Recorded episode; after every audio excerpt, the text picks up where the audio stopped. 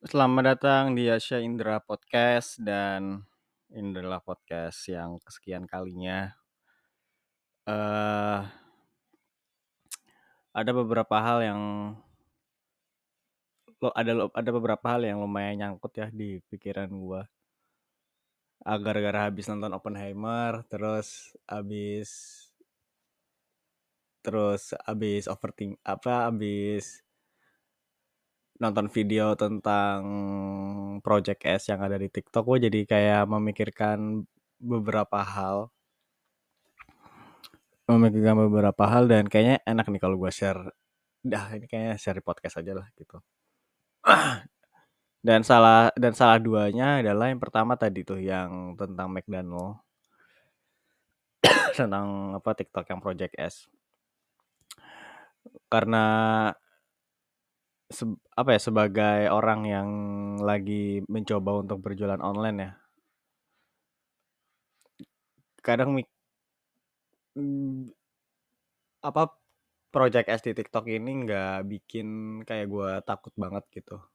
Emang sih kalau denger penjelasannya tuh kayak ngeri ya kayak ngeri banget kayak wajuh ini para penjual online yang ada di TikTok ya apalagi yang lokal-lokal gitu pasti bakalan kegusur gitu pasti bakalan ke apa pasti bakalan kegusur pasti bakalan uh, mereka akan nggak ada kesempatan yang sama lah buat berjualan karena kan Project S di TikTok itu Nih, mungkin bagi yang belum tahu ya. Jadi Project S pro, apa itu Project S di TikTok itu kan kayak TikTok nih. Itu kan bikin fitur kayak social commerce gitu kan. Nah, entah gimana diam-diam tuh TikTok tuh udah menyimpan data-data benda-benda apa aja yang laku gitu di Indonesia. Nah, terus mereka berencana mereka akan ngejual benda-benda yang laku ini yang diproduksi di Cina dan dengan harga yang jauh lebih murah daripada di Indonesia.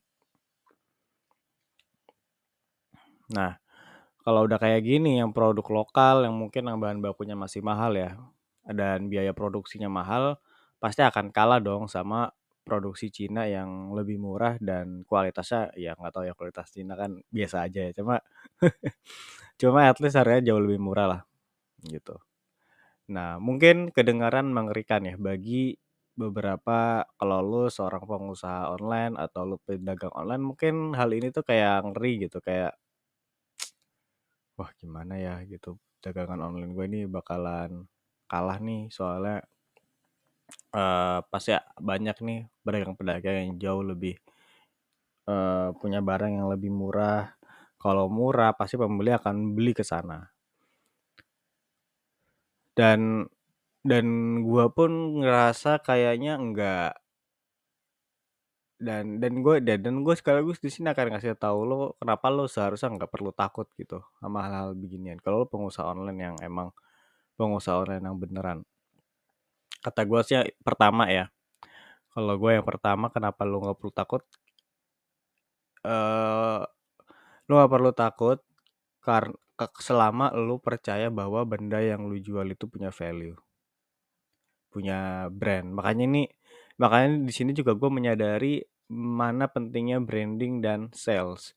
Gue tuh dulu pernah debat sama teman gue tentang mana yang lebih penting sih branding atau sales gitu. Brandingnya dulu apa penjualannya dulu yang penting laku dulu lah branding mah belakangan gak apa-apa gitu. Terus uh, kalau gue ngomongnya ya brand dulu gitu. Sebenarnya atas dasarnya sih sangat remeh ya. Gue suka aja nge apa membuat brand pada sebuah produk gitu. Terus mengenalkan produk ini. Cuma Coba waktu itu gue membela kayak brand itu jauh lebih penting karena kalau lu brandnya udah melekat orang bakalan inget dan pasti akan datang terus gitu. Cuma kalau sales lu akan ya lu lu fokus pada penjualan dan itu nggak nggak apa ya nggak nggak seru gitu. emang emang dasar alasan itu sangat apa ya sangat lemah gitu. Cuma cuma itu yang bisa gue jelasin ke temen gue ini. Uh, nah dan dan menurut gua selama lu punya brand branding dan value yang kuat lu nggak akan lu nggak akan jatuh ke perang harga ini gitu itu itu itu yang gue yakini ya selama apa sejauh ini ya Karena ibar dan gue pun mengambil contoh McDonald. Gue gue mengambil contoh kayak tempat makan McDonald. Menurut lu kenapa orang makan ke McDonald? Apakah karena eh gue makan makan di McDonald lah karena harganya jauh lebih murah gitu? Nggak nggak ada kan yang kayak gitu. Atau gue makan di AW lah karena harganya lebih murah enggak. Orang datang ke AW, orang datang ke McDonald itu ya karena mereka pengen makan McDonald, karena mereka pengen makan AW. Ya kan? Nah, orang-orang yang orientasinya pengen makan murah, mereka nggak akan datang ke McDonald dan AW. Mereka pasti bakal makan di warteg gitu. Nah, nanti pas sudah di warteg pun nanti pas udah di warteg pun mereka akan milih-milih lagi nih apa warteg mana yang jauh lebih murah. Kayak gue punya temen dia itu kalau dia itu tahu gitu harga-harga warteg yang mana yang mana yang murah mana yang mahal gitu. Bahkan beda seribu aja tuh bisa sangat berpengaruh gitu. Kayak gue pengen di warteg ini karena jauh lebih murah?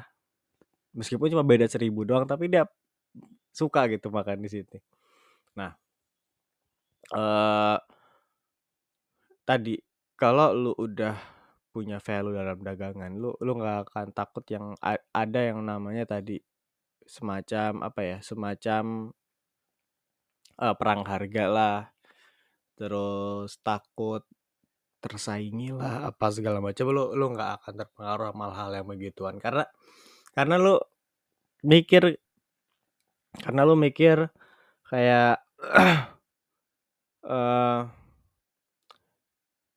karena benda-benda yang dijual ini tuh uh, apa ya benda-benda yang istilahnya akan selalu ada gitu barang-barang kayak gini.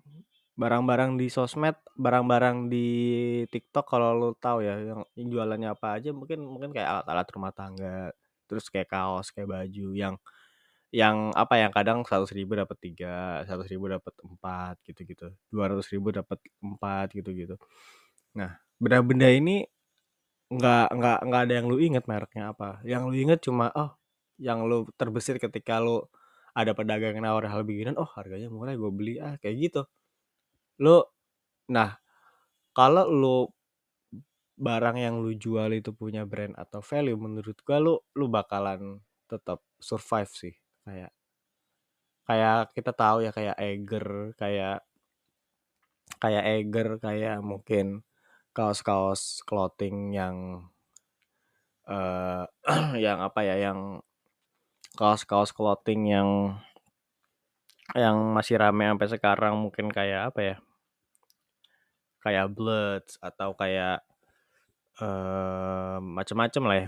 Gue nggak bisa nyebut satu-satu. Cuma cuma brand-brand clothing kayak extreme merch gitu-gitu yang mereka nggak akan jatuh ke dalam perang harga gitu. Mereka mereka akan tetap mereka akan tetap ada pembelinya karena tahu karena mereka tahu oh ini gue tahu barang ini ini ini ini barang bagus kualitasnya bagus di sana gue suka dan akhirnya dibeli gitu dan dan brand ini tuh emang sih untuk membangun sebuah brand itu nggak gampang.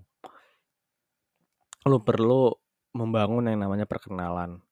Desainnya konsisten terus uh, bisa menepati ekspektasi pembeli secara cepat secara apa ya secara konsisten juga gitu.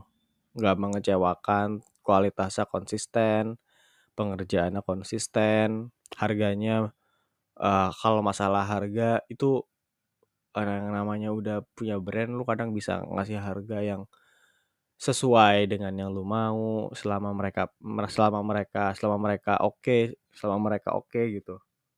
Jadi selama lu kenal selama lu bisa membangun brand lu dengan baik lu nggak akan jatuh ke dalam tadi ke dalam perang-perang perang-perang harga yang ada di project S project S TikTok tadi karena karena memang dari awal gue tuh nggak melihat apa ya TikTok itu emang sebuah ceruk yang gede banget sih Sos sosial media yang mencangkup kayak lapisan paling bawah piramid gitu Jadi kan tahu kan piramid yang lapisan piramid yang paling bawah itu kan paling yang paling luas. Nah, itu itu tuh TikTok itu mampu mencangkup orang-orang seperti ini. Nah, seleranya selera mayoritas orang yang banyak itu kadang nggak begitu bagus. Bayangin ada sebuah populasi yang banyak, populasi yang banyak, populasi yang sangat luas gitu. Seleranya itu pasti akan sangat random dan kita nggak tahu kita bakalan yang mana. Kita bak kita nggak tahu kita bakalan jualan apa, kita nggak tahu orang ini pada maunya apa, demand-nya apa, segala macam. Dan yang dan yang bisa diberikan adalah dengan ngasih tahu nih barang murah murah lu pakai deh gitu. Udah itu aja. Apalagi psikologis orang-orang Indonesia yang tadi psikologis orang-orang Indonesia tuh suka yang tadi yang murah-murah tadi, murah-murah, dapatnya banyak, uh, syukur-syukur gratis, gitu-gitu lah orang-orang Indonesia tuh. Dan nggak tahu ya, uh, makanya tuh ini ini emang gue belum tentu bener juga. Makanya itu untuk menyusun brand untuk bertahun-tahun itu emang sangat susah dan lama dan dan susah, lama dan dan belum tentu berhasil gitu. maksudnya maksudnya lu butuh bener-bener ketekunan dan konsistenan dalam membangun brand bertahun-tahun. Kayak McDonald itu itu mereka nggak langsung buka nggak nggak nggak buka setahun dua tahun yang lalu. Mereka tuh udah dari tahun 40-an gila dari dari sebelum mungkin perang dunia pertama dulu dunia perang dunia perang dunia kedua gitu. Begitu pula air mineral ya kan air mineral kayak aqua gitu karena ada brand di situ orang jadi kayak ah ini kan gue minum aja lah apa air sama-sama air putih sih cuma gue pengennya yang aqua atau yang pengen itu. Karena tadi kalau lu udah perang karena lu kalau dulu punya brand yang kuat lu lu nggak akan jatuh ke perang harga yang gimana gimana ada aqua ada vola lu tau gak sih air minum vola atau atau aquafit gitu. Dan orang-orang akan milih minum mending aqua lah aqua yang jauh lebih aqua yang yang udah gua kenal dari lama gitu istilahnya. Gitu kan. Jadi jadi selama lu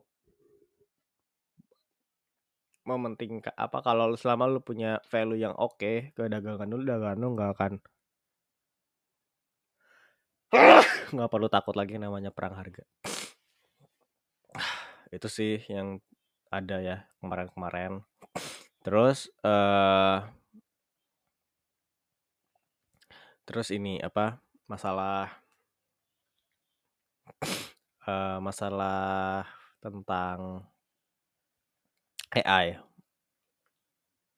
kayak lu mikir kayak lu mikir nggak sih kayak eh gue tuh mikir ya gara-gara abis nonton Oppenheimer nih gue tuh mikir kayak AI itu the next bom atom maksudnya bom atom di bom atom abad 21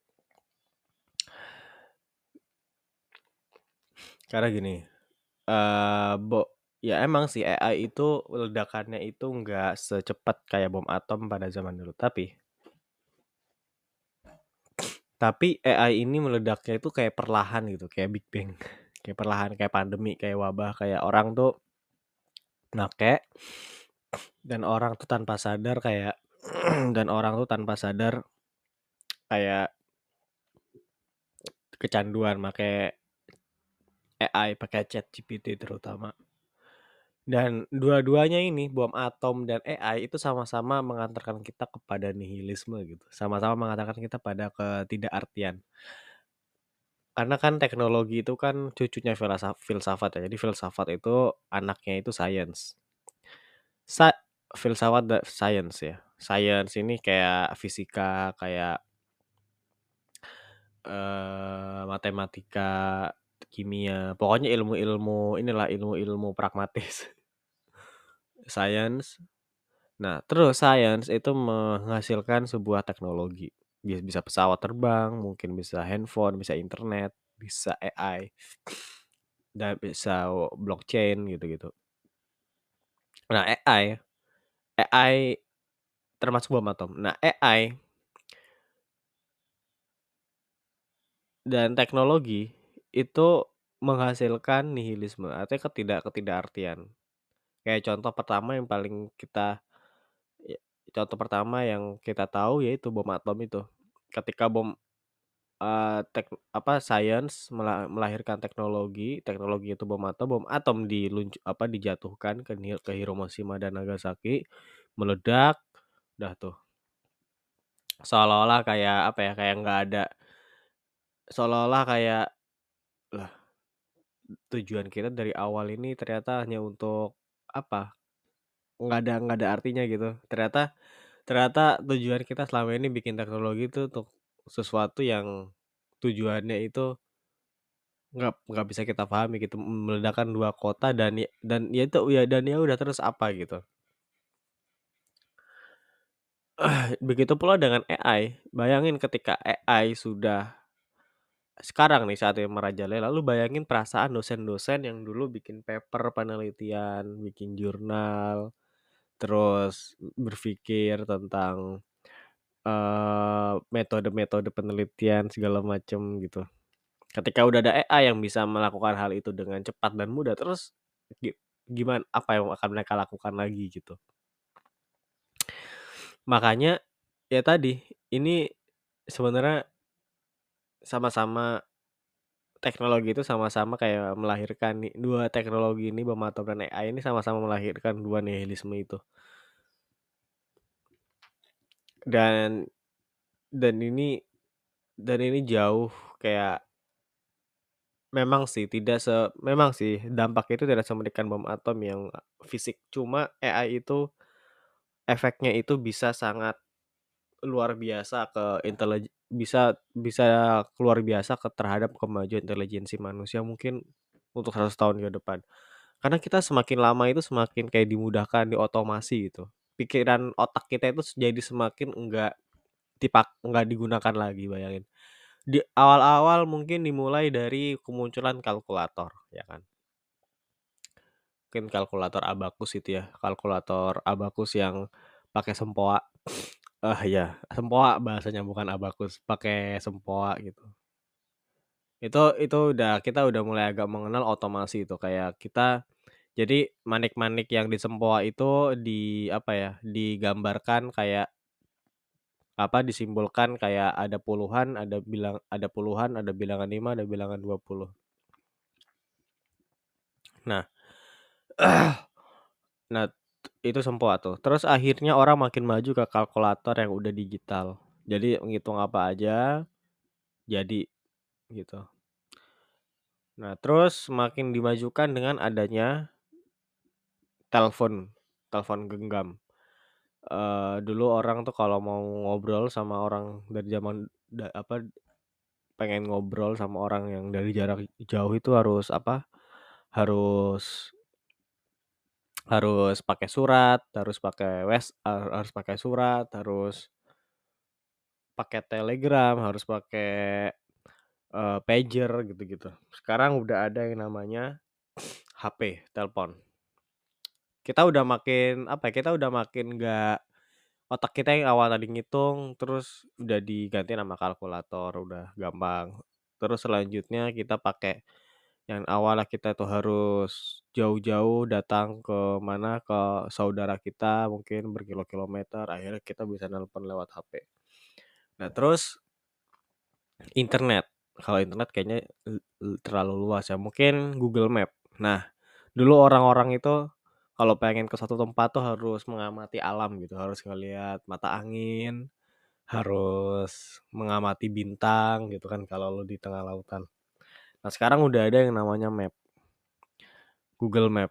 Sekarang oh oke okay lah masih oke okay gitu. Ini buat apa? Buat nganterin kita ke jalan gitu. Tinggal ngikutin apa tanda biru-biru udah nyampe.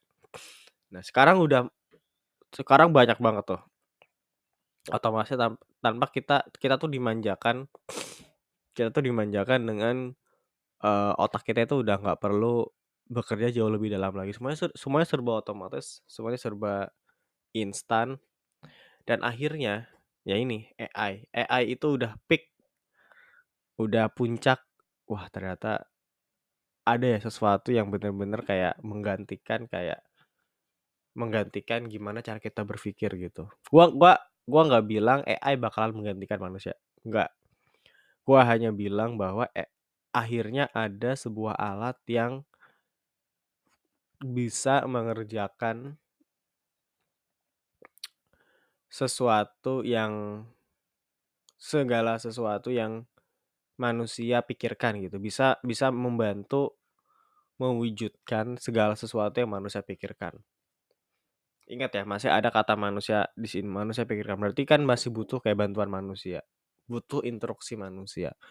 Dan instruksi-instruksi ini itu emang orisinil dari manusia itu sendiri dan dan dan dan gue yakin AI nggak akan bisa menggantikan hal itu.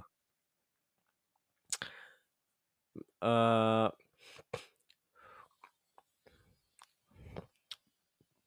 tapi ada tapi ada juga kemungkinan bahwa nanti suatu saat yang mana kekreativitasan kita ini, cara kita berpikir kreatif, pasti kan ada polanya.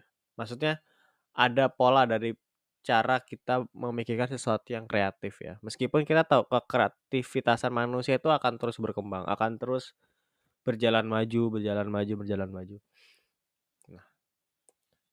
AI akan mempelajari cara kita berpikir kreatif, lalu akan diterapkan ke model AI mereka gitu. Dan akhirnya AI mungkin bisa aja menggantikan kekreativita kekreativitasan manusia, cuma kekreativitasan manusia juga akan berjalan maju lagi. Contoh sederhananya adalah, lu tahu gak sih kayak di Twitter tuh ada kadang, ini dia hasil gambar AI ketika bagaimana negara-negara itu diwujudkan seperti hewan gitu. Nah, nah AI itu udah bisa tuh menggam apa me mengambil pola pikir kreatif kita kreatif kita yang seperti itu lalu diterapkan di model AI terus dikasih output dikasih kayak gambaran apa dikasih hasilnya kayak gini gitu bayangkan pola-pola hal pola-pola kayak gue pengen apa negara negara ini itu bayangkan kayak imajinasi semacam kayak gue pengen negara-negara ini kalau seumpama wujudnya kayak hewan kayak gimana ya? Gitu. Itu itu dipelajari dipelajari gitu. Oh ternyata ada dua variabel nih. Gimana kalau variabelnya diganti? Gitu. AI-nya mikir kayak gitu terus akhirnya muncullah apa apa namanya sugesti suges apa saran apa semacam saran-saran dari AI gimana kalau ini, ini apa opsi op- opsi apa opsi pem- keputusan kreatifnya kayak begini begini begini begini. Nah, baru itu itu yang ngerinya itu ngerinya yang kayak begitu. Dan dan itu pasti akan me, dan itu pasti akan menguras resource yang banyak. AI akan terus bekerja AI akan terus kayak mengolah data gitu lebih berat dibanding sebelumnya. Dibanding cuma ada data skip apa dibandingkan data-data masukan yang cuma kayak eh, coba jelaskan ap- se- apa coba ceritakan sejarah presiden Indonesia dengan style eh, William Shakespeare mungkin nggak tahu ya kayak gitu. Itu aja sih mungkin untuk podcast kali ini. Semoga suka ya. Bye